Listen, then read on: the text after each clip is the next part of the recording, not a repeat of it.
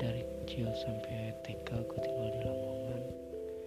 Dan sekarang gue gue belajar belajar di Universitas Kota Bogor.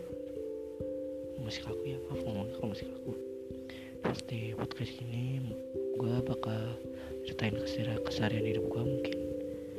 Sebenarnya menarik menarik juga enggak tapi ya berasa menarik aja deh.